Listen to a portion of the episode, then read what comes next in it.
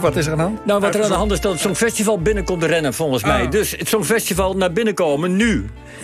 Kom naar binnen met het Songfestival, jongens. Goed, Kom dan gaan zitten. we, beginnen we over het Songfestival. Maar ik zie nog geen gast hier. Eh, Ja, het Songfestival was een beetje laat. Hij is natuurlijk eh, met diep in de nacht bezig geweest met eh, eh, kijken naar allerlei filmpjes van vroeger en nu. Eh, Dave eh Boomkens, welkom. Je bent er voor het Songfestival. ja, eh, dat Songfestival eh, in 1956 begon met dit liedje.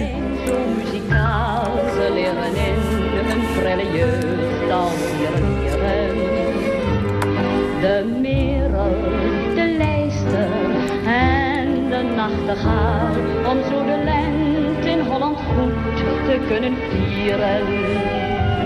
Het is geen wonder, want nergens zijn de plassen zo Ja, dit is dus het allereerste liedje wat ooit op een Eurosongfestival gezongen is. Geschreven door Annie M. G. Schmid en gezongen door Jetty Pearl.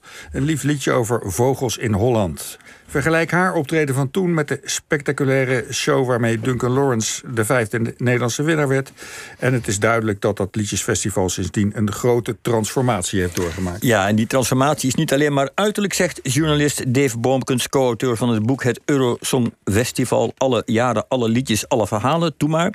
Want, zegt Dave, als ik naar het Songfestival kijk, en dan let op, zegt hij, dan lees ik het geschiedenisboek van Europa. Nou, dat is veelbelovend. Dave Boomkens, welkom. Het Songfestival als geschiedenisboek van Europa. Als jij dat liedje uit 1956 hoort en die hele sfeer, wat Ja. voor een geschiedenis, wat voor begin zie je dan van Europa of van het Songfestival? Vertel, wat zie je? Ja.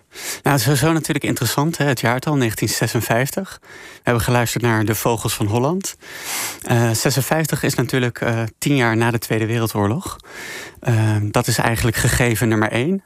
En wat je zag, dat, was dat een aantal landen echt zochten naar een middel om dat vredesgevoel samen vast te houden.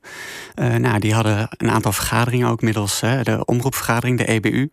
Eh, dus hadden één, dat ze dat vredesgevoel wilden vasthouden. En twee, de opkomst van al die televisietoestellen in de woonkamers van al die Europese huishoudens.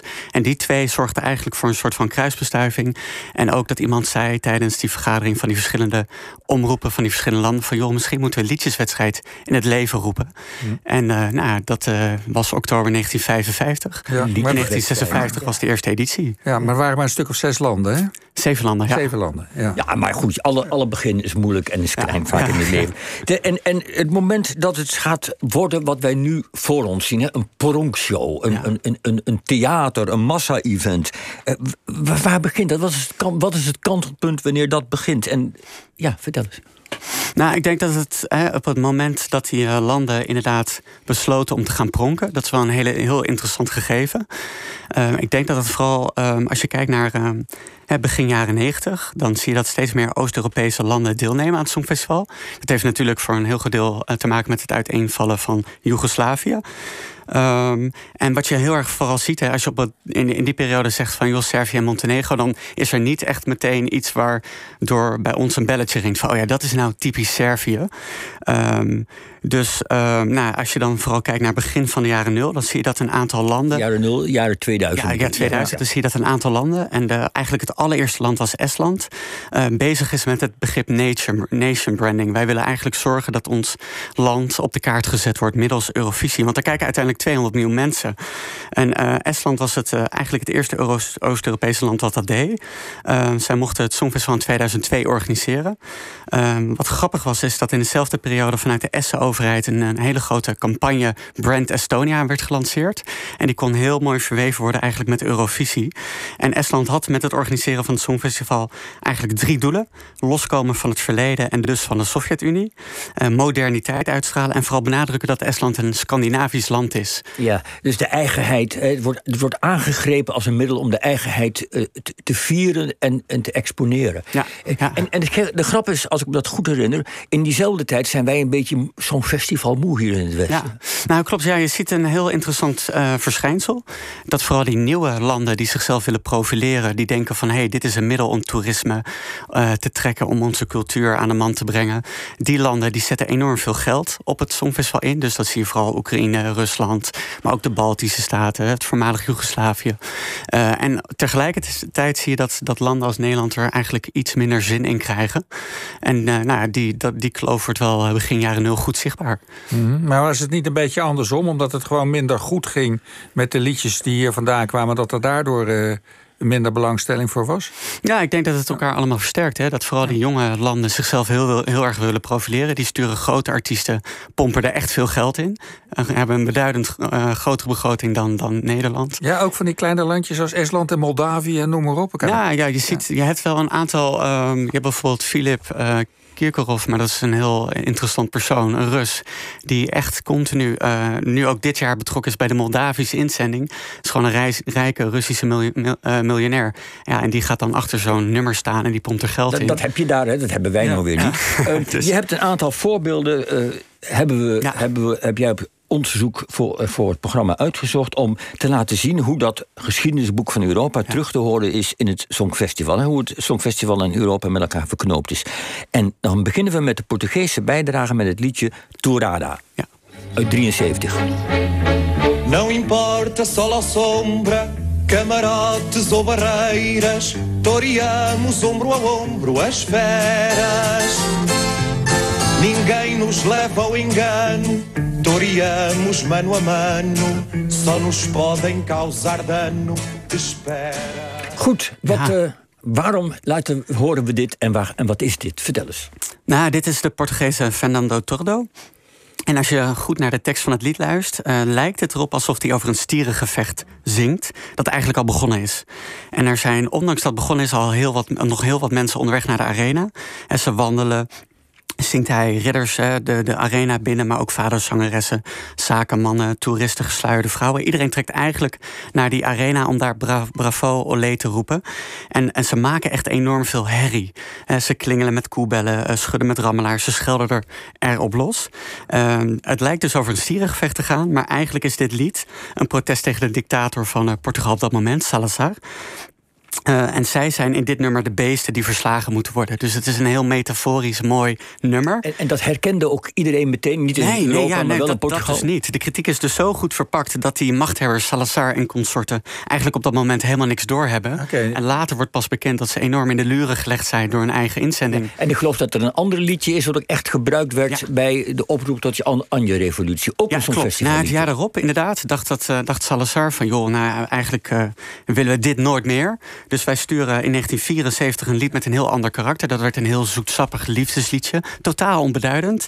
En toen dachten eigenlijk uh, een aantal mensen van... joh, dit treurige liefdesliedje, hey, dit gaan wij gebruiken als startsein voor de Anje-revolutie. Dus op 24 april, een paar weken na het Songfestival... het nummer eindigde echt vrij laag ook... Uh, laat een heel klein Portugees radiostation... met een bereik van nou, maximaal 100 tot 150 kilometer... rondom Lissabon, die laat dat nummer om vijf voor elf 's avonds horen. En dat is eigenlijk het startsein voor de soldaten... om de posities in te nemen en uiteindelijk op te stomen en de geweldloze Anje-revolutie in te luiden. Nou, ja, geweldig. Je hebt, je, je hebt, je hebt een, uh, het, het, tweede nummer wat je gekozen hebt om aan te geven hoe het Songfestival met de geschiedenis is verweven. Uh, dat is Wild Dances. Ja. Uh, en dat komt uit de Oekraïne. Laten we daar ook even naar luisteren.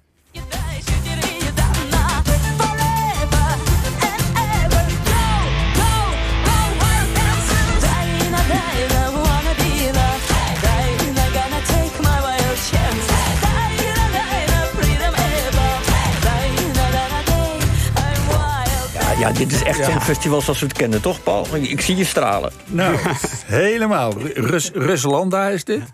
Uh,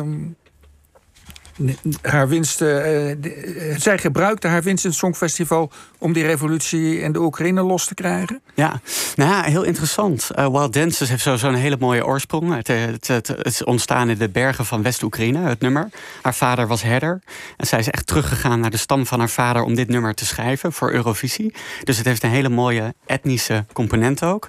Ja, en na het Eurovisie Songfestival is Oekraïne zo ongelooflijk trots op Ruslana geworden... dat ze ook een hele bijzondere rol heeft vervuld in de Oranje Revolutie die kort daarna plaatsvond. Interessant is, 2004 won Oekraïne. 2005 mochten ze het organiseren als fris vers land. Ehm, en dat was best wel een dingetje, want uh, in december, november 2004 begon die Oranje Revolutie echt een ding te worden. Heel veel jongeren trokken naar het presidentiële paleis, in oranje gekleed eigenlijk werd die massa opgejut door Ruslana, de grote iconische heel, heel kort en krachtig bij wat die Oranje Revolutie ook weer eens was. Uh, drie zinnen is genoeg. Uh, nou, de Oranje Revolutie, ja, je hebt eigenlijk op dat moment uh, een, een, een, tweede ronde van de verkiezingen. Ehm, eh, het leek erop dat uh, oppositieleider Yushchenko die zou gaan winnen. Uh, uiteindelijk verloor hij de tweede ronde van de verkiezingen. En de Oranje Revolutie is eigenlijk een roep om die herverkiezing. Van joh, dit klopt niet, deze uitslag. Er was, er was gegoocheld. Ja, er was gegoocheld. Dat was een beetje het sentiment dat heerste.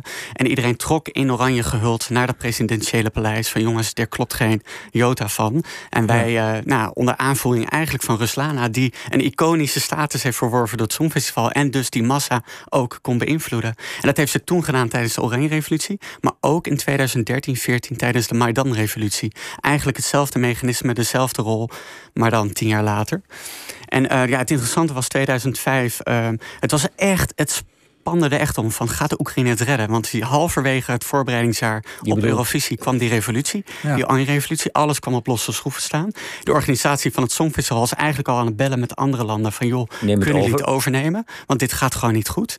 En uh, uiteindelijk hebben ze het, uh, nou, heeft president Yushchenko die is er vandoor gegaan uh, schouders ondergezet ja. en werd het een heel oranje Eurovisie. Ja, ik heb me nooit gerealiseerd dat het Songfestival zo revolutionair was. Dus eerst de Anje-revolutie in Portugal, daarna de Oranje-revolutie. Het derde nummer wat je ja. gekozen hebt, Diva uit Israël. Dat heeft geloof ik niet voor revolutie gezorgd, hè? Nou, het is Zullen, wel we ook even luisteren? Heel kort, sorry. Ja. Ja.